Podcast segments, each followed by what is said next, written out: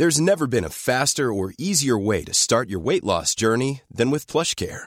PlushCare accepts most insurance plans and gives you online access to board-certified physicians who can prescribe FDA-approved weight loss medications like Wigovi and Zepbound for those who qualify. Take charge of your health and speak with a board-certified physician about a weight loss plan that's right for you. Get started today at plushcare.com slash weight loss. That's plushcare.com slash weight loss. plushcare.com slash weight loss. There's never been a faster or easier way to start your weight loss journey than with PlushCare. PlushCare accepts most insurance plans and gives you online access to board-certified physicians who can prescribe FDA-approved weight loss medications like Wigovi and Zepbound for those who qualify.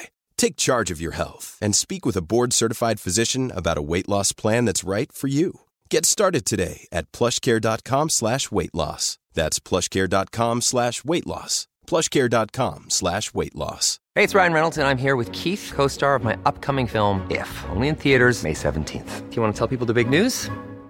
All right, I'll do it. Sign up now and you'll get unlimited for $15 a month in six months of Paramount Plus Essential Plan on us. Mintmobile.com slash switch. Upfront payment of $45 equivalent to $15 per month. Unlimited over 40 gigabytes per month. Face lower speeds. Videos at 480p. Active Mint customers by 531.24 get six months of Paramount Plus Essential Plan. Auto renews after six months. Offer ends May 31st, 2024. Separate Paramount Plus registration required. Terms and conditions apply if rated PG.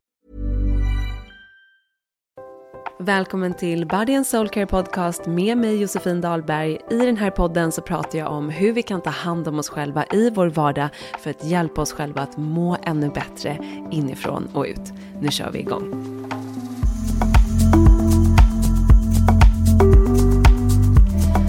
Hej på er! Välkomna till ett nytt avsnitt av Body and Soul Care Podcast. Som vanligt, låt oss ta ett djupt andetag för att kunna landa lite mer här och nu och kunna liksom ta in allt bra som kommer ut av den här podden. Så bara släpp ner axlarna lite, ta ett djupt andetag in genom näsan, fyll upp bröstkorgen och magen med luft. Och andas ut genom munnen. Ah, skönt. Alltid lika härligt. Hörrni, den här veckan har jag en gäst här i podden. Fredrik Paulun som jag tror vi alla, eller många av oss i alla fall, känner till som en hälsoexpert och framför allt som är expert på kost. Och nu har ju han tagit en liten ny riktning och snöat in sig på rödljusterapi jag eh, köpte min första lampa ifrån hans varumärke Nutrilite för ett och ett halvt år sedan, precis när de lanserade, och har använt den till och från sedan dess. Det har varit lite svårt att få till med barnen, men nu är jag efter allt, framförallt efter det här avsnittet ännu mer taggad på att använda den mer i min vardag. Men jag har ju deras ansiktsmask som jag är besatt av och den kommer vi berätta mer om i podden. Och vi kommer prata om just hur vi kan må bättre, bli mer hälsosammare, bli mer, få mer energi med hjälp av rödljus.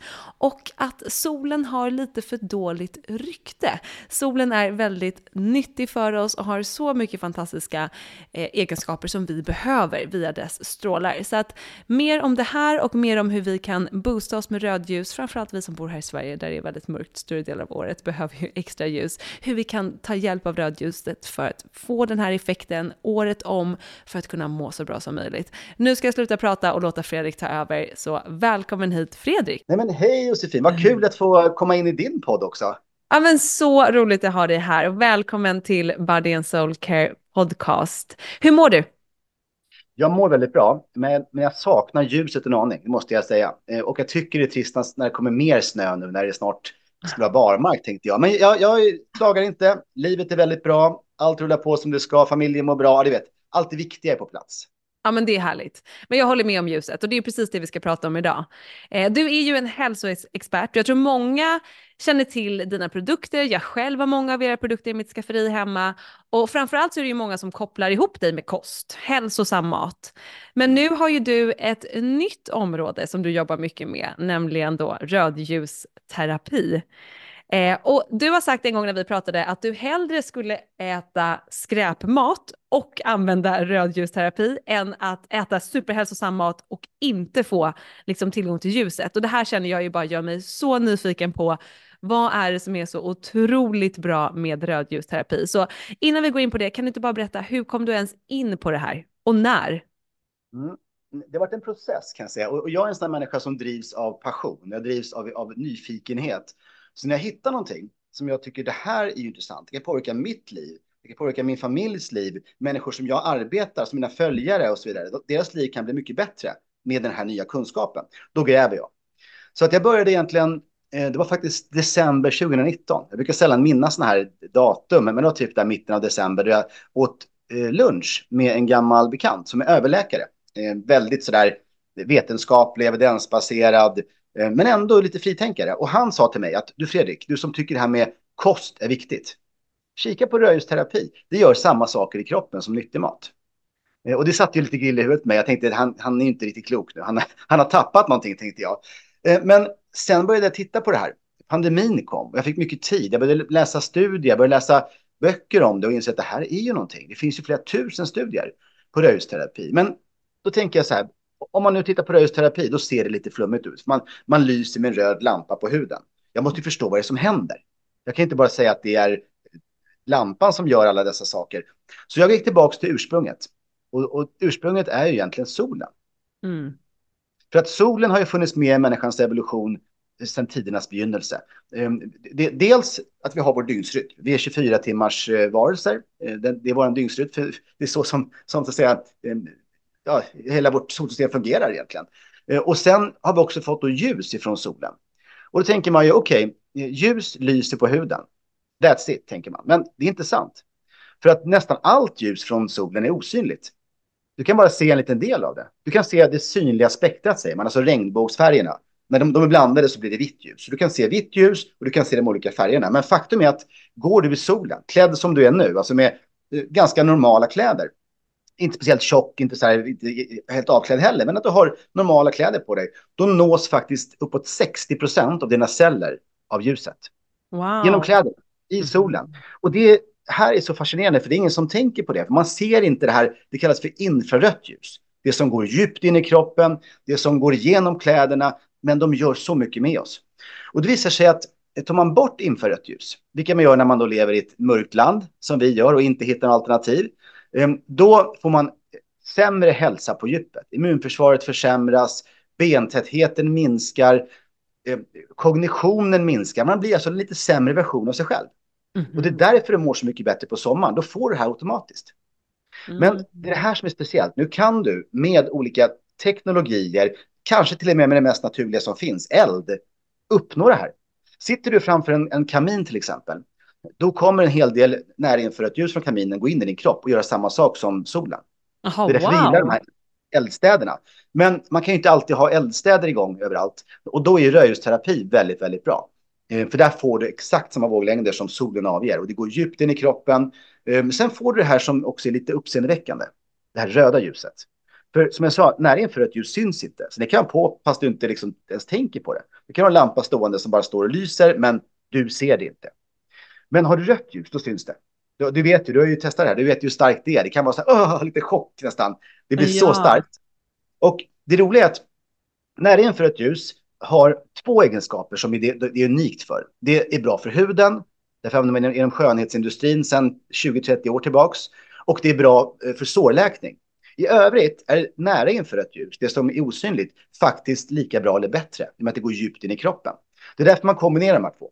Du får rött ljus och nära infrarött ljus i rödljusterapi. Men jag ska vara helt ärlig, jag är inne mer och mer på att bara köra nära infrarött ljus och verkligen ladda mina paneler med det. Så jag har tagit fram sådana paneler nu. Det är det som verkligen går in på djupet. Sen kan jag säga att ah. jag förstår det här med, med skönhet och, och glow och allt man också vill ha. Men i mitt fall, liksom, jag, jag, är så pass gammal nu att jag bryr mig inte så mycket längre. Jag vill bara vara frisk. Och, och det innebär, då tänker jag att nära infrarött ljus är min grej nu. Så det, det, det är två olika produkter för två olika målgrupper kan man säga.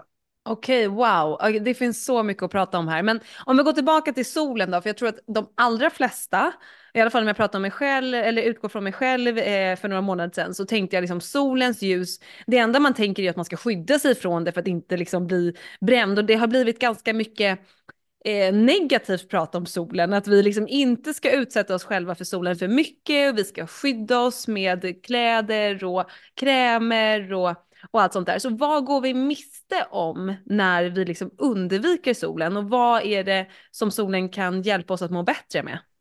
Mm. Det här är en jätteintressant fråga. Just nu håller på att skriva en bok nämligen om solen. Det heter Solmyten. Och det är mm. tillsammans med en professor inom det här. Han, han är en av världens främsta forskare, eh, Pelle Lindqvist. Och eh, han jobbar alltså med solhälsa. Har ju bedrivit fantastiska studier under många, många år. Och eh, det visar sig att vi är helt felunderrättade. De råd som du och jag har tagit emot nu de senaste 20-30 åren, de är egentligen utvecklade för eh, Australien. Där man då har satt eh, människor med den absolut mest ljuslätta typen av hud. Alltså britter, rödlätta britter som saknar pigment i stort sett. Det finns en skala, den här Fitzpatrick-skalan kallas den. Från då de här rödlätta i typ 1 och sen till de mörk, mest mörkhyade i typ 5. Så man har allt däremellan. Mm -hmm. Jag ligger väl på en tvåa, trea, du ligger väl på en tvåa någonstans där. Kanske mot ett, för du, du är ljus. Mm. Och det innebär att ljusare med det så känsligare blir man för ljuset, för solen. Men att sätta då eh, deras solråd från Australien i Sverige, då krävs det lite så här att man, man har tänkt fel någonstans. Det är snedtänkt. För att i Australien har man väldigt mycket UV-ljus. Det ligger eh, ganska nära ekvatorn, speciellt om du är uppe i norra Australien. Cairns och Darwin och sånt, det är ju, det är ju tropiskt där. Eh, superstark sol. Och dessutom så är det ju ett ozonhål där, eh, även södra mm. Halvklotet. Så det är väldigt starkt UV. I Stockholm, nej, inte lika mycket. Det är till och med så att man för ungefär tio år sedan gjorde en utredning för att se är det värt att börja smörja in förskolebarn och skolbarn i, i Sverige med solkräm? Och då jämför man helt enkelt då med Australien och Stockholm var det här fallet. Och i mm. Australien tror jag att det var Cairns, jag minns inte exakt, men där var det typ 300 dagar per år då man bör skydda barnen. Och jag tycker fortfarande solkräm är no-no. Man ska skydda med, med kläder eh, och med skugga. Men det intressanta var att i Stockholm, gissa många dagar per år som man måste skydda sig från solen. Men antingen noll eller typ två. En, mittemellan, en dag per år. Eh, och det innebär ju att det är fullständigt absurt att smörja in barn och sig själv också med solkrämer som är fulla av hormonstörande ämnen. Och man ser till och med en viss koppling mellan ökad hudcancerrisk och solkrämer. För att ta bort den naturliga impulsen att dra tillbaka från solen. Och dessutom så skyddar det bara mot egentligen att bli bränd. Det skyddar bara mot det röda, det skyddar inte mot hudcancer. Det är inte det det är till för. Det skyddar inte mot någonting. Det, det, det blockerar D-vitaminproduktion och tar bort din impuls och drar dig tillbaka från solen. Och en intressant sak till, snackar vi åldrande. Jag menar, vi vill alla ändå se så okej ut vi kan med åren. Då är det så att det blå ljuset, som kanske är det mest hudåldrande av alla, det får man inte skydda alls ifrån. Så att solskyddsfaktor... Du menar skydd... solskyddsfaktor skyddar inte mot det blåa ljuset? Nej, det gör det inte, utan det är bara UV. Och det innebär att du vet, man sitter man med mobil till exempel och kollar nära, då, då säger de det att man ska undvika det. Du ska köra sån low, low blue light, ta bort det blåa, för att det kommer att åldra huden annars. Eh, och det är lika man sitter vid, vid en dator, man får åldrad hud på händerna och sånt. Så blått ljus är ju väldigt åldrande. Men det får man inget skydd ifrån eh, med, med solskyddsfaktor. Wow, okej. Okay. Det, det, är så intressant. Och sen ska jag säga en sak till som jag knappt vågar säga. Eh, men jag har en massiv forskning bakom mig. Eh, på mitt Instagram så la jag ut för typ tre, fyra inlägg sen, la jag ut ett, ett, en studie som då är baserad på 50 olika länder, ett enormt underlag av människor. Och där ser man att det, det finns inget samband mellan UV-strålar och hudcancer. Och det är oberoende av, av kön, eh, vad man var på jorden, ålder och så vidare. Det sjukaste av allt var, man såg till och med att det fanns en skyddande effekt. De som hade mest UV hade minst hudcancer. Och det här är alltså en studie publicerad 2017 en peer-reviewed stor studie. Och det visar sig att när man tittar på UV förr, då kikar man ju på, på eh, provrör. Då lät man hudceller simma runt i ett provrör, så belyste man med UV. Men det har ingenting att göra med kroppen. För när kroppen får det här så får du D-vitamin som är väldigt starkt cancerhämmande. Du får eh, en liten cellskada av ljuset, men kroppen är så himla duktig. Den kan reparera cellskador. Det gör den hela tiden. Det är till och med så att du triggar kroppen att reparera cellskador när du får lite UV-ljus. Så man pratar om en hormetisk stressor. Exakt samma effekt som när du tränar. Då bryter du ner muskelmassa, men när du vilar så bygger du upp den igen. Det är exakt mm. samma sak med sol. Så för att lagom med sol så är det bara skyddande. Och om du inte använder solkräm, då märker du när det är dags att dra dig tillbaks. Ja. Och sen finns det en grej till med UV-ljus. Eh, och då, återigen, det här, nu rapporterar jag bara. Jag säger inte att det är på ett visst sätt, men jag har läst det här och rapporterar kring forskningen. Det finns en speciell gen som vi vet att UV-ljus aktiverar och den heter POMSI. Eh, Pro-opiomellanokortin står det för. Och den är helt vansinnig. Alltså den gör så mycket i kroppen. Den gör över 40 olika saker. Bland annat sköter den aptiten åt oss. Så vi äter lagom mycket. Därför går man ner i vikt på sommaren. Man är inte lika hungrig på sommaren. Man blir tjock över vintern. Hela svenska folket går upp ett antal tusen ton när det är så mörkast ute. Tack mm. vare det här. Man ser att POMSI påverkar sexuella funktioner, reproduktion, eh, hormoner. Eh, POMSI producerar eh, endorfiner där opio står för opiat. Så att du får alltså endorfiner av solen. Och då kan man tänka, jag vet att du pratar mycket om, om beroende och sånt i olika sammanhang. Jag, jag har följt din resa och så där. Vet, du vet ju vad beroende innebär. Mm. Och då finns det beroenden som är väldigt destruktiva och det är de här moderna syntetiska sakerna som opiat, droger, alkohol, socker, allt det där. Men om det är något naturligt som ger dig ett beroende, som till exempel mammas mjölk eller solen, då är det bra för dig. Det är per definition så. Det finns inget i naturen som lockar dig som också är dåligt för dig. Och det innebär att du ska sitta i solen när du, när du har chans till det. Sen har du, eller de flesta människor fall har en slags mättnad på opiater. Det innebär att du känner att äh, nu är jag klar. Nu går jag härifrån. Precis det känner man också med rödljusterapi. Så jag kan sitta i 25 minuter och känna att nu är jag klar med det här. De har fått sina opiater, man mår väldigt bra, det är avstressande och så vidare. Så jag vill säga så här, UV-ljus är jätteviktigt. Men sen kan man ju också bränna sig och det är inte bra för då får du ju du, du får också åldrad hud och, och så vidare. Och det, det, är inte alls mm. nyttigt. Så jag säger så här. Eh, I Sverige behöver du knappt bry dig någonting. Men är det juli och mitt på dagen, ta en hatt. En solhatt. Klä dig med, med någon eh, tunn tunika eller någonting. Täck dig mellan 12 och 3. Då är det som starkast sol. Men på morgonen och på kvällen, då står solen lågt. UV är nästan borta. Då får du bara de här snälla läkande våglängderna som rött ljus och närinfrarött ljus. Så använd skuggan, använd eh, kläder, då kommer du jättelångt. Och det coolaste är att är du på, eh, vad är ditt favoritresmål söderut? Oh, nej men Ibiza. Ibiza, underbart. Ja. Nu är du ganska nära ekvatorn. Solen står högt, klockan är 12, det, det gassar och steker. Skulle man ligga i, i det rätt upp och ner i två timmar utan solskydd, då bränner du sönder och samman. Lägg det under ett parasoll. Då ser man att UV stannar i parasollet, medan infrarött ljus går igenom. Så du får alltså inte den här eh, stekande, brännande, skadande ljuset, men du får det här snälla, läkande. Och där kan du ligga så länge du känner att det känns okej. Eh, okay. Det blir för varmt till exempel. Men där är väldigt lite risk att bränna sig. Så jag var ju till exempel i Australien förra vintern. Ehm, och då var jag i Perth, så det var ju liksom, ja, det var varmt. Det var 30-35 grader varmt och mycket sol. Men då gjorde jag så att jag eh, höll mig i skuggan mellan 12 och 3. Eh, ofta under parasoll, ibland i en ölhall eller vad det kunde vara för någonting. Så jag höll mig undan helt enkelt. Ehm, eh, och sen var jag ute på morgonen och på kvällen och behövde inte använda solkräm en enda gång. Mm. Men jag hade haft, jag hade, hade liksom skyddat mig när jag behövde och så.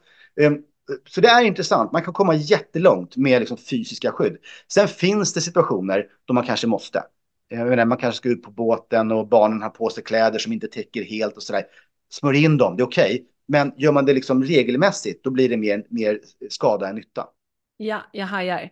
När jag var på Ibiza nu senast i höstas så var jag där på retreat och då hade vi dels lunch där mitt på dagen och då är man ju generellt ofta i skuggan, vilket känns som en nice liksom, paus mitt på dagen. Även nu i vintras när vi var på vintersemester så tog vi liksom långa luncher med barnen för att man inte vill ha dem i, i direkt solljus liksom de där varmaste timmarna. Men då i alla fall på Ibiza, då eh, hade vi liksom lunch, sen hade vi någon eftermiddagsklass och sen låg jag där i solen på eftermiddagen, kanske runt så här tre, mellan tre och fem. Och mm. det var ju liksom så härligt, jag kände att jag laddades med så mycket energi, men jag fick ju inte alls den här brännande effekten på huden. Nej, exakt, och det är så att eh, röjusterapi, om man nu går tillbaka till det, för det här är ju liksom ett, om, om man pratar kosttillskott, så ser jag röjusterapi som ett kosttillskott av solen. Vi plockar de bästa bitarna, det du saknar i vardagen. Och det visar sig att morgonsol är väldigt rikt på rött ljus, men framför allt nära infrarött ljus. Sen så på dagen blir det mera av det här vita ljuset, blått och grönt och allt det där, och UV förstås. Sen på kvällen återigen, då blir det återigen mer rött ljus och nära infrarött ljus. Det är därför kvällshimlen är röd. Det är, det är det ljuset som liksom når ner, vi ser det här. Och det här är någonting som jag tycker är så häftigt att eh, på morgonen när du får det här, då är det som att kroppen vaknar till av det kroppen får en liten skjuts och säger okej, okay, nu är det morgon. Kortisolet stiger, du vaknar till, du blir liksom på lite blodsocker av lever, leverreserverna och sådär. Sen på kvällen är det tvärtom. Då varvar kroppen ner. Och det här beror delvis också på den här POMSI-genen som är helt otrolig att läsa om den. POMSI är alltså en jättelång protein kan man säga. Som mm. bryts ner till olika saker beroende på när på dygnet det är. Så på morgonen ger det pigghet, på kvällen ger det trötthet. Eh, så det är verkligen en sån mekanism över vår cirkadiska klocka. Och det är därför vi ska försöka utnyttja morgonsol och kvällssol. Då är du perfekt inställd för att vakna och somna. Då slipper du sömntabletter, du slipper koffein om du inte vill ha det och sådär. Ja, och det är det jag tänker att så här, det där, liksom att få den här energikicken på morgonen, varva ner på kvällen, det är ju också då om vi lever mer i synk med den naturliga rytmen, vilket ju väldigt många av oss inte gör idag. Vi stannar uppe sent med eh, blåa skärmar eh, som gör att vi kickar igång massa liksom, hormoner som säger till oss att vi ska vara vakna fast vi egentligen vill varva ner och allt det här och få svårt att sova och kanske då som du säger behöver mata oss med olika grejer för att få hjälp att sova. Eh, men det, en, sak, en annan sak som du sa när vi pratade sist, det var det här med, någonting som jag verkligen följt med mig, som jag tyckte var så otroligt liksom lätt, eh, eh, men det var en lätt grej att ta med sig, det var det här med light diet. Mm. Att se på hur du konsumerar ljus. För det är någonting som jag tror att väldigt många av oss inte ens reflekterar över. Men att börja se det mer som en light diet där vi också då har junk light eh, och också då sånt ljus som är hälsosamt för oss. Kan du berätta lite mer om det här konceptet? Ja, det, det är light diet. Eh, det är ett, ett begrepp, det är så ljus. Diet är så fult ord på ett sätt, för det handlar inte om att hålla igen nu, tvärtom. Det, det handlar om att få det ljus man behöver vid rätt tidpunkt. Och det naturliga, det är ju att vi följer dygnet. Och vid ekvatorn så är dygnet lika långt hela tiden. Det finns inga skillnader. Solen går upp vid, vid åtta och ner vid sex. Det är liksom perfekt. Man ligger i fas, man somnar när man ska, vaknar när man ska. Sen har vi valt att bo i ett land som ligger långt från ekvatorn. Där vi har sjukt långa eh, eh liksom, dagar på sommaren och sjukt korta dagar på vintern. Det här gör grejer med våra system eh, som är, eh, vi påverkas av det. Man ser till exempel att dödligheten generellt i Sverige ökar ju mörkare det är.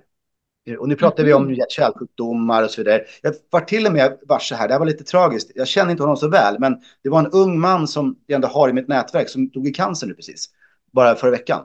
Mm. Och eh, han har kämpat mot cancern i tio år. Eh, och han, var, han blev inte mer än 35 och sånt där, så det är hemskt faktiskt. Men eh, då tänkte jag på det, varför hände det nu? Han har kämpat i tio år med det. Um, och jag började läsa på och inser att statistiken visar att dödligheten i cancer är mycket större januari-februari än någon annan månad. Det är för att vi har sån extrem ljusbrist. Oj. För ljus är med och påverkar vår, vår förmåga att hantera tumörceller, immunförsvar och så vidare. Och även hjärt-kärlsdödlighet ökar drastiskt. Så tittar man på statistikbyråns siffror, då ser man att folk dör när det är mörkt och lever bra när det är ljust. Det är verkligen 20 procents skillnad. Så vi lever i ett farligt land med mörkret. Men det går alltså att göra saker åt det. Dels resa förstås om man har resurser till det, men också få ljusterapi. För det, det är egentligen ljuset vi behöver. Och eh, om man pratar om light diet eh, så kan man direkt ta det från, liksom, från början, för lika bra, så att folk hänger med. Eh, när vi pratar näring, då kan alla det här med fett, protein och kolhydrater, det vet vi, det där är inga konstigheter. När vi pratar ljus, då pratar vi om något annat som kallas för, för fotoner. Mm -hmm. Fotoner är alltså den elementarpartikeln som utgör ljus. Och sen kan fotonen eh, träffa oss, träffa huden, träffa ögonen eh, med olika våglängder. Och de här våglängderna, de varierar från UV som är korta, energifyllda, påverkar väldigt mycket, syns inte, till hela regnbågen som då är lite längre våglängder. Och sen till infrarött ljus som är jättelånga våglängder. Så det finns där, men allt är samma sak, det är fotoner. Så de når bara olika delar av, av kroppen. Så fotonerna, de behöver du. Och det gäller att tanka med de fotonerna som du behöver. Och då kan vi göra det antingen genom solen eller genom rödljusterapi. Um, you, you liksom, it's your choice. Men du måste och är det lika annars... bra då, alltså solen som rödljusterapi? Har man lyckats efterlikna solen helt och hållet? Jag, jag, tycker, jag tycker man ska återigen jämföra med kosttillskott. Mm. Är det lika bra att äta tillskott som att äta riktig mat? Mm, Nej, okay, jag fattar.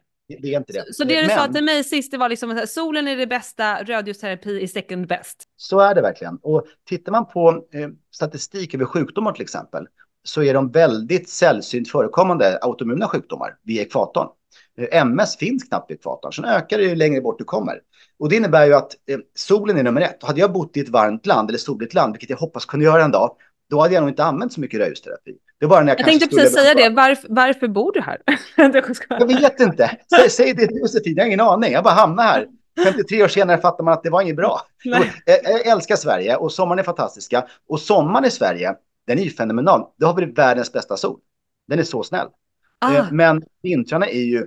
För att den inte blir så pass stark då, eller vad menar du med att den är så snäll? Exakt, exakt. Du, mm. alltså, så länge du inte ligger och pressar solen så blir du inte sönderbränd av solen Nej. i Sverige. Så länge du är lite smart. Fantastisk sol. Eh, så jag älskar det. Men sen har vi det här med, med vintern som är brutal. Så att kan jag lösa det, att jag kan bo i Spanien eller Kalifornien, någonting med, med familjen halva året, då ska jag se till att ordna det faktiskt. Men bortsett från det i alla fall, bodde jag vid ekvatorn eller åtminstone långt söderut, då hade jag klarat mig på, med solen. För jag är ute på dagarna, jag, jag har fritt schema, jag kan ta en promenad en timme varje dag. Eh, men jag skulle även där använda rödljusterapi eh, molniga dagar. Eller till exempel om jag har skadat mig. Om jag har brutit en lilltå, då läker det snabbare, smärtan blir mindre och så vidare. Och eh, jag var till och med faktiskt innan jag var på i Australien i fjol, då var jag på Bali, som är nästan vid ekvatorn. Men det var monsunperioder. Det var regna och regna och regna. Jag hade önskat att min lampa var med då. Det fanns mm. ingen sol. Jag var på ekvatorn, men solen var liksom borta. Där hade behövt det också. Så att man kan ibland bo i länder, fast det är väldigt nära ekvatorn, där röjsterapi gör nytta. Men generellt sett, i Sverige är den helt oumbärlig. Det går liksom inte att lösa det annars. Du kommer att öka risken för sjukdomar, du kommer bli nedstämd, du kommer få mera problem med, hälsan om man inte får röjsterapi. Ja, okej. Okay. Så hur använder du rödljusterapi? Om vi pratar lite igen det här med light diet och hur man lägger upp kroppen eller dagen utifrån den naturliga cykeln. Hur lägger du upp en dag ljusmässigt? Ja, eh, om vi pratar om idealet nu då, eh, vilket jag ändå måste hoppas kunna uppnå de flesta dagarna, det är att jag, när jag vaknar så tar jag mitt morgonkaffe och sätter mig i, i rödljusterapin. Och på mitt Instagram, eh, Fredrik Paulun heter jag där, där kan man se hur min rigg ser ut. För jag är effektiv, jag vill att det går fort, jag vill inte sitta i 30 minuter, jag vill ha det på 10 minuter kanske. Så jag har två lampor. Jag har en på framsidan och en på baksidan. Och då sitter jag först kanske fem minuter och kör både fram och baksida. Och då är det både rött ljus och nära inför rött ljus. Sen ställer jag mig upp. Och nu är, nu är jag spritt språngande naken. Så det här är bara, jag är helt ensam här. Så det är ingen som, som ser mig, så jag behöver inte bry mig. Om man är bland folk kan man ha på sig typ badkläder, ett par shorts och någonting. Men kan man vara helt naken är det bästa, för då går verkligen ljuset långt in i kroppen. Så jag kör eh, överkropp, underkropp, totalt kanske 10-15 minuter, sen är jag klar. Mm. Um, men, men, då har jag alltså en dubbel rigg på totalt 2500 watt. Och om man har bara då en sån front till exempel, ska man köra först framsidan och sen baksidan eller kan man dela upp det på olika dagar? Hur ska man tänka? Eh, det roliga med det här är att det finns både en systemisk effekt, det vill säga att lyser det på ryggen får du även mindre ont i foten. Eh, och det finns en lokal effekt. Har du ont i foten och lyser på den, då minskar smärtan. Så att det, det är både och. Och min första erfarenhet av det här var ganska intressant. Det var ju faktiskt där um, hösten 2020. Eh, jag köpte nämligen det här under pandemin. Eh, och då köpte jag en sån liten billig lampa, 900 watt var det, för att bara testa och lära mig det här. Och då märkte jag att jag körde bara på ryggen. Jag var ganska lat, satt mig ner mot ryggen och läste liksom morgontidningen, drack kaffe. Jag orkade inte hålla på och flytta på den. Men jag fick ändå bättre hud i ansiktet. Så jag märkte ju att ryggen, belyste jag den så verkar ändå ansiktet också. Så jag började flytta runt för att se om jag kan få ännu mer effekt på saker och ting. Och det får man. Så jag tycker man ska försöka lysa på så stora delar av kroppen som möjligt. Eh, och man vet att lyser man på benmärgen, alltså lårbenet till exempel, då vet man att näringen för ett ljus går in i benmärgen och, och aktiverar frisättning av stamceller. Eh, och de kan bli vilken cell som helst. Du får en regenerativ effekt på hälsan. Man ser att eh, eh, om du lyser mot skallen, då går det in i hjärnan. Du kan alltså få att en procent av energin når längst in i hjärnan. Och det innebär att det här är den mest mitokondrierika delen av, av, hela kroppen, alltså den mest energiförbrukande och energiproducerande delen av kroppen. Så att hjärnan är väldigt responsiv för det här. Du blir pigg, du vaknar till, du blir mer kvicktänkt, du, du mår bättre helt enkelt. Så jag, jag vill gärna se att man lyser på så många delar av kroppen som möjligt. Sen kan det vara att man har svårt att röra sig av olika anledningar. Man får göra det bästa av det. Ehm, ja. Men om man sitter liksom framför en sån front, når det in i huvudet då eller behöver jag liksom sitta med huvudet mot den? Hur ska jag tänka? Hur långt ifrån behöver man vara för att det ska nå in? Ja, alltså snackar vi om att behandla hjärnan, då, då talar man om en eh, transkranial behandling, alltså genom kranium, genom skallben. Och den är lite speciell, för att rött ljus går inte genom skallbenet. Rött ljus fastnar. Eh, och det innebär att rött ljus som ska in i hjärnan måste antingen gå via, via munnen, eh, via näsan via öronen och så små paneler har vi liksom inte. Men i praktiken ska man kunna köra in små paneler i öronen och få en effekt in i hjärnan med rött ljus. Mm. Men i och med att nära inför rött ljus går genom skallbenet och det är ungefär 10 procent av energin som passerar själva skallbenet. Ungefär 1 procent av energin når djupast in i hjärnan. Så är det bara att lysa där du vill. Och jag brukar försöka se till att lysa lite på vänster sida, gärna tinningarna där det är tunna skallben. Höger sida, eh, gärna mitt på, gärna bakifrån och gärna uppe på om man kan. Och då får du verkligen en total behandling av hjärnan. Och då ser man att människor med olika typer av kognitiva problem eh, de mår bättre. Eh, de får bättre minne, eh, bättre talförmåga. Parkinsons patienter får mindre skakningar och så där. Så det, det är verkligen väl undersökt. Hjärnan är väldigt responsiv för just röjsterapi. Wow, okej okay, det är otroligt. Och vilka andra fördelar kan du berätta för oss som rödljusterapi gör för de som inte alls har någon koll på vilka fördelar man får av det? De flesta som börjar använda det märker först att huden förändras. Mm. Att man får bättre hud. Um, och det är därför att maskerna finns, du vet, som har sett det verkligen få en, en lokal effekt i ansiktet. Ja, men de tror jag att mina följare känner igen mig med, att jag brukar ja, ligga med en sån på kvällarna. Och jag känner ju liksom att jag får men, ett bättre glow. Jag tycker även att det har, jag har liksom en del porer som jag tyckte varit rätt, rätt jobbigt. Eh, jag tycker att även de har liksom, de är absolut inte borta för jag har ju fortfarande porer, men jag, jag känner ändå att det är en jämnare hud skulle jag säga. Det, det, man ser på dig det är att din hud mår bra. Och det innebär mm. att ljuset hjälper till. Och det bästa med dem är att där får du bara färgerna. Du får inte nära infrarött ljus. Så du, du jobbar ju på 3 cm djup. Och det innebär att du får du kollagen, elastin, så man får stramare hud. Och det roliga med det här är att man har gjort studier där man har eh, låtit folk testa. Och så kopplar man bort halva masken. Så halva masken funkar, halva funkar inte.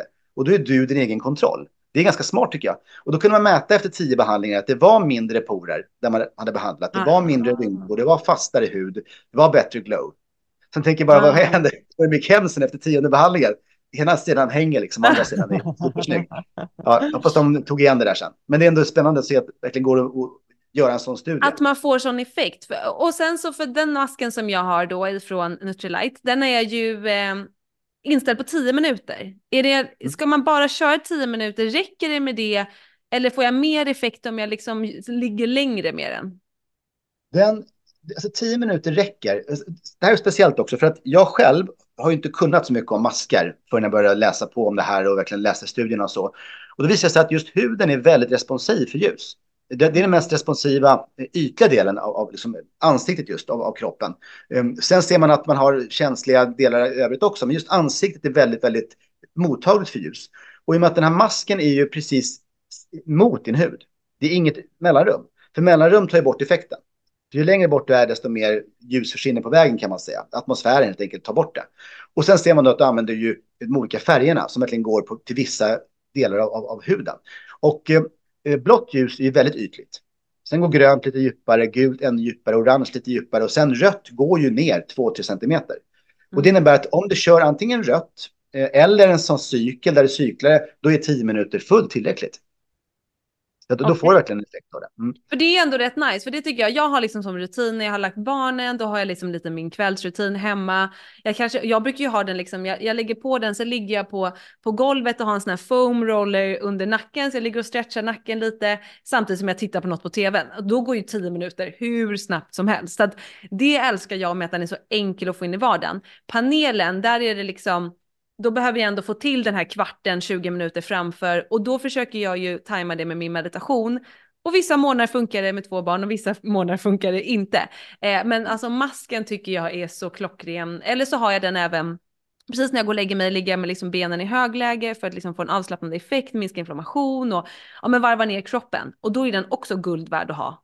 Eh, så att jag älskar den och känner verkligen som sagt att jag får ett helt annat glow. Men när man har gjort då, som du sa nu, tio behandlingar, ska man fortsätta för att hålla efter eller kan man överdosera? Bara lite riktlinjer till de som är nyfikna på det här.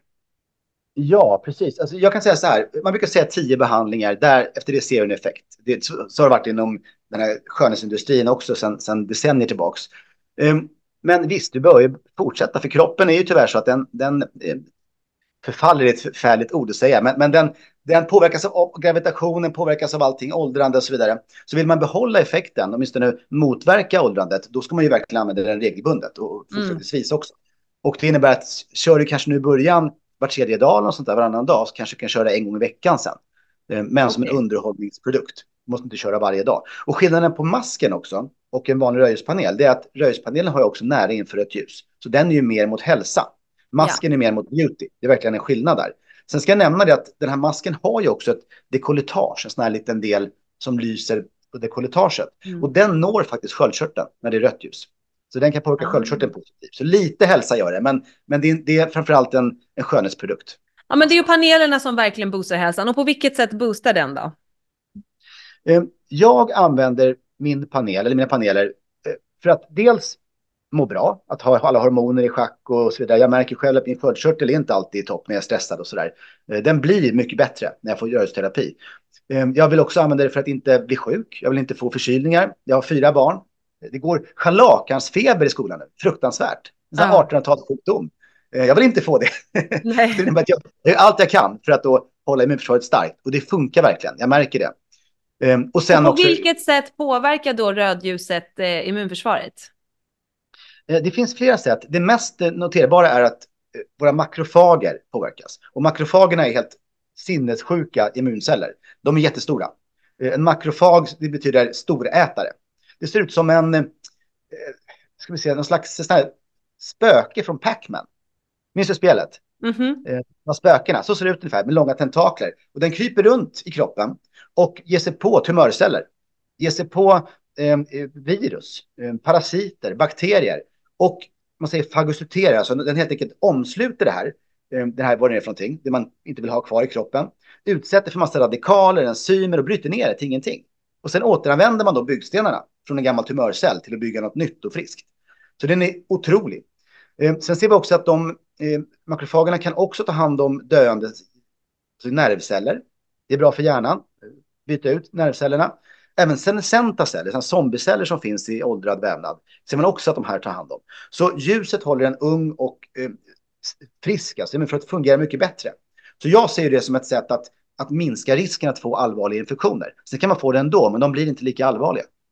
Mm. Så det, och det kan man säga också, nu är ju covid kanske inte ett minne blott, men nästintill. Men de studier som kommit nu på, på covid och risk att bli svårt sjuk visar ju att soliga länder hade mycket mindre risk generellt. För solen är med och påverkar immunförsvaret på ett väldigt, väldigt bra sätt. Och makrofager är en nyckel till det. Det finns många andra också, men det är en viktig del. Mm -hmm, Okej. Okay. Och sen det här med smärta då som du sa att du upplevde, eller att många upplever att de får minskad smärta. Hur, hur kommer det sig? Hur fungerar det? Um, här är det inte helt klarlagt faktiskt vad som händer, men vi vet att eh, om man lyser till exempel med, med nära infrarött ljus, för det är det som krävs för att komma in djupt i kroppen. Eh, om man lyser på en tennisarmbåge till exempel, då ser man att man får en direkt smärtlindring som motsvarar ungefär två Alvedon. Och den wow. ligger kvar i, i ungefär en dag, 12 timmar kanske. Så det är en jättestark effekt. Eh, men exakt vad det som händer vet vi inte. Men man ser att inflammationerna minskar, läkningen speedas upp. Eh, så någonting väldigt positivt händer det. Och det vi ser också är att även om man ser att ljuset når ungefär 10-15 centimeter in i kroppen så finns det en distribution av ljus också. Så att de här fotonerna jag pratar om, de går via nervbanor ut i kroppen. Så då, även om du bara kan se att du lyser in 15 centimeter så når det hela vägen in på djupet. Så det påverkar tarmfloran, påverkar allt möjligt. Men just ja. smärta, lokal smärta, lys på det som är ont så blir det mindre ont. Det, det, det är uppenbart. Jag har lite knäproblem på ena knät och det är meniskskada. Kan, det, kan jag få hjälp med det då genom att behandla och lysa på knät? Ja, du kan få hjälp med smärtan. Sen ja. om du har en skada som är så att säga tra traumaskada, mm. eh, en smäll, eh, förslitning och sådär, då är det inte alltid som du kan läka ut det. Men smärtan minskar, rörligheten ökar och i vissa fall kan man se att även vävnad kommer tillbaka, speciellt när det gäller eh, artros och så vidare. Okej, okay, häftigt. Okej, okay, men tillbaka till din dag i ljus då. Så du kör din morgonkaffe fram och bak, 5-10 minuter, sen är du klar med din morgondos. Sen Vad händer sen? Faktum är att ofta räcker det för mig för hela dagen. Men eh, om man ska vara optimal så skulle jag dela upp hälften morgon och hälften kväll för att simulera morgonsol och kvällssol. Men det hinner inte jag. jag är också människa.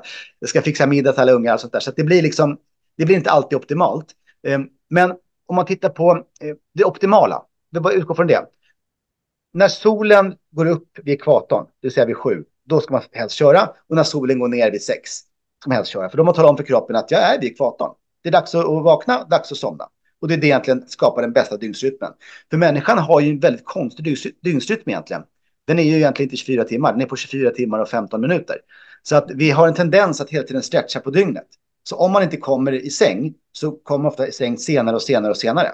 Jag är absolut en sån människa så att jag kan lägga mig vid liksom ett om jag inte skärper mig. Och då är det ett sätt för mig att tala om för kroppen att nu är det natt. Det är dags att gå och lägga sig. Jag somnar mycket lättare om jag gör så. Så det är det optimala egentligen. Så Men om man ger all... ljuset klockan sex, då varvar den ner så att man då, vad då ska somna runt nio, tio typ, eller? Exakt, exakt. Eh, mm. För att vad som händer också, det här är så speciellt, att när du får nära infrarött ljus i kroppen på kvällen, då bildas det massa melatonin i cellerna. Och melatonin är ju känt som ett sömnhormon som bildas i tallkottkörteln och sitter mitt mellan ögonen. Och det klassiska man har pratat om det är ju att blått ljus hämmar produktionen av det här. Det är därför man håller sig pigg när man sitter med skärmar och så. Men det intressanta är att det är bara 5% av melatoninet som görs här i tallkottkörteln. 95 görs i dina celler när du får nära infrarött ljus. Aha. Det innebär att om du kör det här på kvällen, du kanske bara kör nära infrarött ljus, du behöver inte köra rött ljus. Då får du en melatoninutsöndring och du blir trött, du mår väldigt bra. Och ibland, på Ibiza till exempel, jag tror du somnar gott på natten. Mhm. Eller hur? Ja. Det är för att ditt melatonin är bara i topp. Du har så mycket melatonin att kroppen säger att det är dags att somna. Och man somnar. Nej men alltså sover. jag gick och la mig, nu kan ju det också ha att göra med att jag fick fyra nätter för mig själv utan barn som vaknade hundra gånger per natt. Men jag gick liksom och la mig eh, på kvällen på ett sätt och vaknade upp i exakt samma ställning, totalt utvilad typ åtta timmar senare. Det var fantastiskt. Men du, om man tänker då det, in, eh, det infraröda ljuset Mm. som inte syns. Mm. Eh, hur nära lampan ska man vara för att det ska ta och ge effekt? Eh, Så här är att eh, du får en effekt på en meter. Det är inga problem, men den är ganska liten. Så för att få en Mm. bra effekt, säger man 10, 15, kanske 20 centimeter. Alltså Men nära som att- möjligt. Mm. Så nära som möjligt. Men faktum är att eh, med mina barn till exempel, eh, om någon har halkat på skolgården och ont i knät, då sätter jag en lampa bredvid den barnet när, när det- han eller hon sitter och spelar spel till exempel. Eh, Mm. Men bara ni. Och då sätter jag den en bit ifrån, så jag vet ju att är det en halv meter ifrån, det blir ändå någon effekt. Det blir ändå smärtlindring, läkning och sådär. Så man kan ju använda det ganska, ganska fritt vill jag säga. Och har en gammal släkting som är skröplig och ligger till sängs, kan du ställa en sån här panel bredvid sängen. Fast wow. liksom flera decimeter ifrån så får den här personen NIR och en, en bra effekt på hälsan. Så att avståndet är inte det viktigaste. Det viktigaste är egentligen tiden. För att ju längre avstånd, desto längre tid. Så du kan ha på den en timme. Och det är till och med så att vissa eh, använder numera såna här, eh, alltså bara närinfrarött ljus, som en slags lägereld eh, på natten. Så de drar fram till sängen och ligger och somnar en vid. Eh, och då kan den vara en bit ifrån, för sängen är ju ändå ganska bred. Och ändå får effekten, och melatoninet och, och allt det där. Okej, häftigt. Men hur tänker du då med till exempel ett skärmljus och det här blå ljuset? Har du dragit på det här night eh, shift, eh, vad heter det? Nightlight? Night mode eller nightlight. Ja. Alltid. Alla mina barn, jag själv, alla har efter klockan sex egentligen eh, nattmode. För ett blått ljus, det är bra på dagen. På dagen ska du inte vara trött, du ska inte vara dåsig. Det är därför många blir trött nu på vintern, vid fyra, fem på eftermiddagen. För de har fått för lite ljus i ögonen, helt enkelt. för lite Mm. blått ljus. För blått ljus håller oss ju helt enkelt pigga när vi ska vara pigga. Och mitt på dagen, mellan 12 och 3, då är det naturliga ljuset blått. Det är det, Ja. det som är. Det är därför vi ser blå himmel. För det blåa ljuset når ner till oss. Det andra är eh, bortfiltrerat och absorberat av atmosfären och moln och så vidare. Så att blått är bra på dagen. Blått är inte bra på natten. Och ett jätteproblem, det är när man jobbar sent. Eller går till gymmet sent. För att de här vanliga LED-panelerna, de är ju bara eh, liksom en blandning av olika typer av, av enskilda våglängder. Ofta är det mycket blått, för det ska vara st- starkt ljus. Ehm, och det innebär att man ofta blir helt störd av att gå och träna sent på kvällen. Och det här är något som kommer. Jag vet att det finns ju både svenska bolag och amerikanska bolag som håller på med det kallas biocentriskt ljus. De är helt enkelt då med olika typer av sensorer, timers, ställer in det här. Så man justerar våglängderna i ljuset i panelerna hemma eller på jobbet, på kontor och sånt. Så att det är lite blått på morgonen, lite blått på kvällen och mitt på dagen.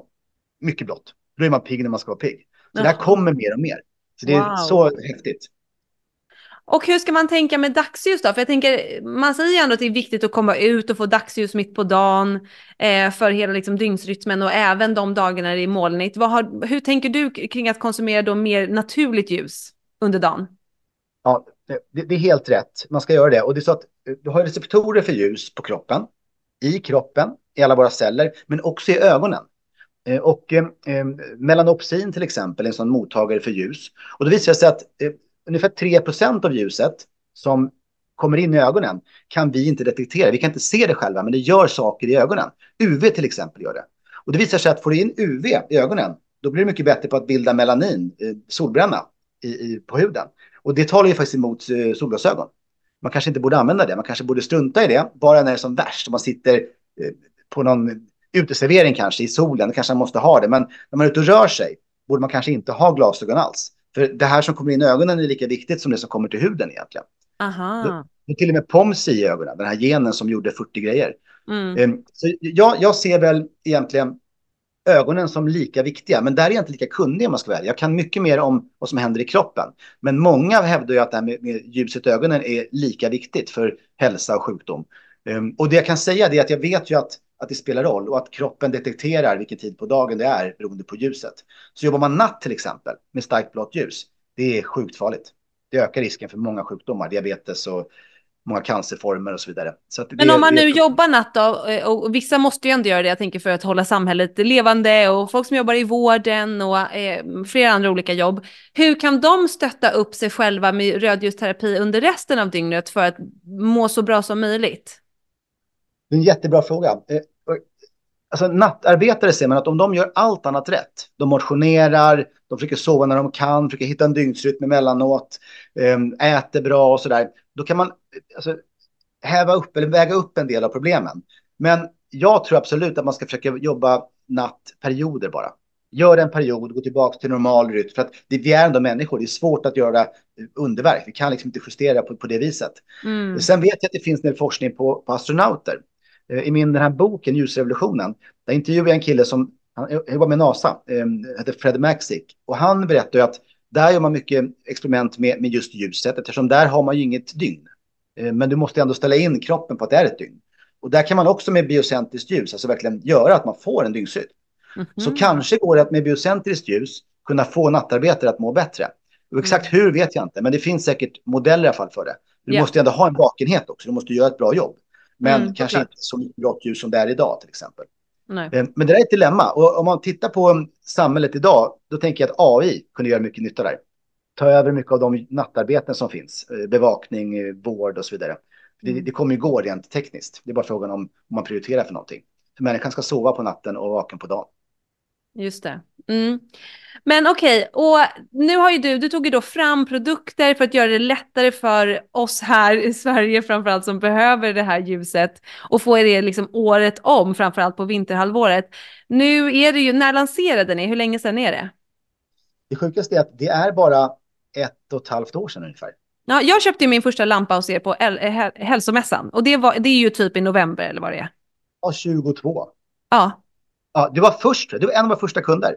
Wow. Det, det är helt sjukt, det där vi lansera. Så att du var med från början. Ja, jag var med. Men jag är ju liksom en hälsonörd och hade ju redan då sett det här på många av ja, men, internationella influencers, framförallt amerikanska influencers som jag följer, såg hur de satt och mediterade framför sina lampor och direkt när jag såg er på mässan så kände jag bara så här, hej, vilka ska jag ha, köpte. Eh, och har ju använt den, eh, jag ska säga att då var ju också min dotter, då var hon ett halvår, så att jag var ju hemma då liksom, jag varit hemma fram till i höstas med henne så att jag fick inte in den lika mycket i vardagen som jag hade tänkt. Men nu har jag börjat få en helt annan rutin på det och Alltså, jag stöttar ju upp mig själv med ja, men bra kost, eh, försöker tänka på dygnsrytmen och liksom göra mycket för mitt välmående, så jag mår ju generellt väldigt bra. Eh, och jag ska säga att jag är mest trogen till liksom ansiktsmasken som jag verkligen känner ger en ytlig effekt. Men nu ska jag ge, efter det här samtalet blir jag ännu mer inspirerad till att sitta mer framför panelerna och ska göra en, en bra deal med min kille, för han gillar ju också den. Eh, att vi ska turas om så en kvart varje morgon så att man verkligen får in det. Men nu som sagt då, ett och ett halvt år in, vad är liksom den största feedbacken som ni får från era kunder? Vad är, den, mest, vad är liksom den största effekten folk känner? Um, det här är en jättebra fråga, för vi har, alltså vi har många tusen kunder idag. Det har gått otroligt bra. Så det, det, folk älskar det här. Eh, men det de säger, om man tittar på till exempel de här Trustpilot-recensionerna och sånt. Det alla säger det är att de märker en skillnad på smärta, eller mot smärta. Mm. Eh, det är väldigt tydligt och det märker jag själv också. Har jag ont någonstans, eh, det kan vara något litet irriterande, det är ingen stor skada jag har, men någonting i axeln eller fotleden, då går det bort. Det är borta kanske en vecka och kommer det tillbaka kan man ta bort det igen. Så det märker folk av. Sen är det också mycket eh, psykiskt, att de blir piggare. De mår ja. på vintern som på sommaren. För de får endorfiner, de får signalsubstanser till hjärnan och så vidare. Eh, det är väl de vanligaste egentligen sakerna som de nämner. Sen vet jag att jättemånga människor har kunnat dra ner på olika mediciner, Eh, deras läkare förstår inte vad som har hänt. För att de plötsligt wow. är mycket bättre värden och så. Men det viktiga att trycka på är att det här är ingen medicinsk utrustning. Så vi går inte ut och säger att du kan bota det eller det. Eller Man kan använda det i olika sjukdomar och se om det händer någonting, absolut. Men eh, vi säljer inte det här som att man kan bota saker och ting. Det är viktigt att, att skilja på. Ja, men jag förstår. Men jag tänker det här med också ökad energi, det är ju det som i alla fall som jag får mest frågor om. Så här, vad ska jag göra för att känna mig piggare? Hur kan jag få mer energi? Och många upplever ju just den här nedstämdheten på vintern, liksom, eh, man känner sig tröttare. Då är det ju fantastiskt att man kan få en, en effekt och känna sig piggare med att eh, använda rödljusterapi. Så att det här är ju någonting som ja men det är kul att det är så många som har tagit emot det, för ibland kan ju vi här i Sverige vara lite skeptiska eller lite, vara lite långsamma på vissa liksom hälsotrender och så, men kul att höra att det är så många som har anammat det och det är väl bara ett kvitto på att vi vet hur väl vi behöver ljuset eh, här och att man längtar, alla längtar efter våren på ett helt enormt sätt, framförallt nu när, när den är runt hörnet i princip. Eh, så jättekul att höra och jag kan verkligen uppmana alla lyssnare till att, till att utforska radioterapi. Jag tycker att det är fantastiskt och så kul att få lära oss mer utav det. Så tack snälla för att du ville vara med och berätta. Tack så mycket Josefin. Jag är så glad att få vara med också kan jag säga. Jättekul. Vi hörs och ses hoppas jag, så får du ha en fantastisk dag. Ja men detsamma. Ha det bra. Ha det fint. Wow, det här är verkligen så himla spännande. Jag tror definitivt att om några år så har alla en sån här lampa hemma, för framförallt vi som bor här uppe i Norden, att liksom vi vet hur viktigt det är att stötta upp under det här mörka vinterhalvåret. Jag tror vi alla har erfarenhet av att man kan känna sig mer trött under vintern, nedstämd, inte alls har samma energi, vi blir lättare sjuka och att då kunna ta hjälp av rödljusterapin till att må bättre är ju fantastiskt. Och som sagt, jag har redan lampor hemma och flera olika produkter. Är du intresserad av att utforska rödljusterapi och se hur det kan hjälpa dig att må bättre och bli friskare så kan du ange min kod Josefin15 för att få 15% rabatt på Nutrilights produkter. Jag länkar allting ner i beskrivningen så att ni enkelt kan klicka in och ja, men så fascinerande. Tack snälla Fredrik för att du ville komma hit och dela med dig av din kunskap. Jag blev så inspirerad och så peppad på att prioritera min morgonmeditation framför min rödljuspanel och fortsätta använda min ansiktsmask som jag älskar. Alltså den kan jag varmt rekommendera, den är otrolig. Och det är också ett så himla bra sätt till att få till den där lugna stunden på kvällen som vi pratade om, hur viktigt det är att liksom komma ner i varv, boosta oss med ljuset som hjälper oss att sova bättre. Så, så kul! Ser fram emot att höra era synpunkter på avsnittet. Skriv till mig, skriv till Fredrik om ni undrar mer, så hörs vi i ett avsnitt snart igen. Puss och kram, hejdå!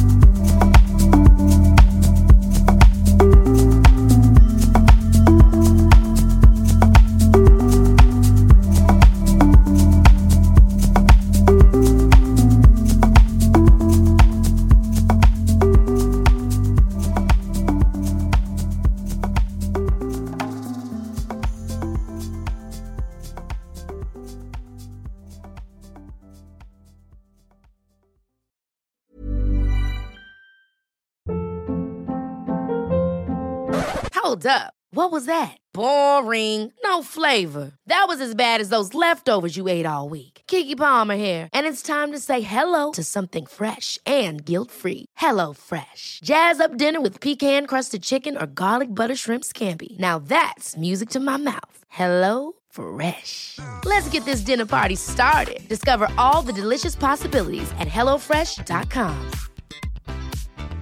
Planning for your next trip? Elevate your travel style with Quince. Quince has all the jet setting essentials you'll want for your next getaway, like European linen, premium luggage options, buttery soft Italian leather bags, and so much more. And is all priced at 50 to 80% less than similar brands. Plus, Quince only works with factories that use safe and ethical manufacturing practices.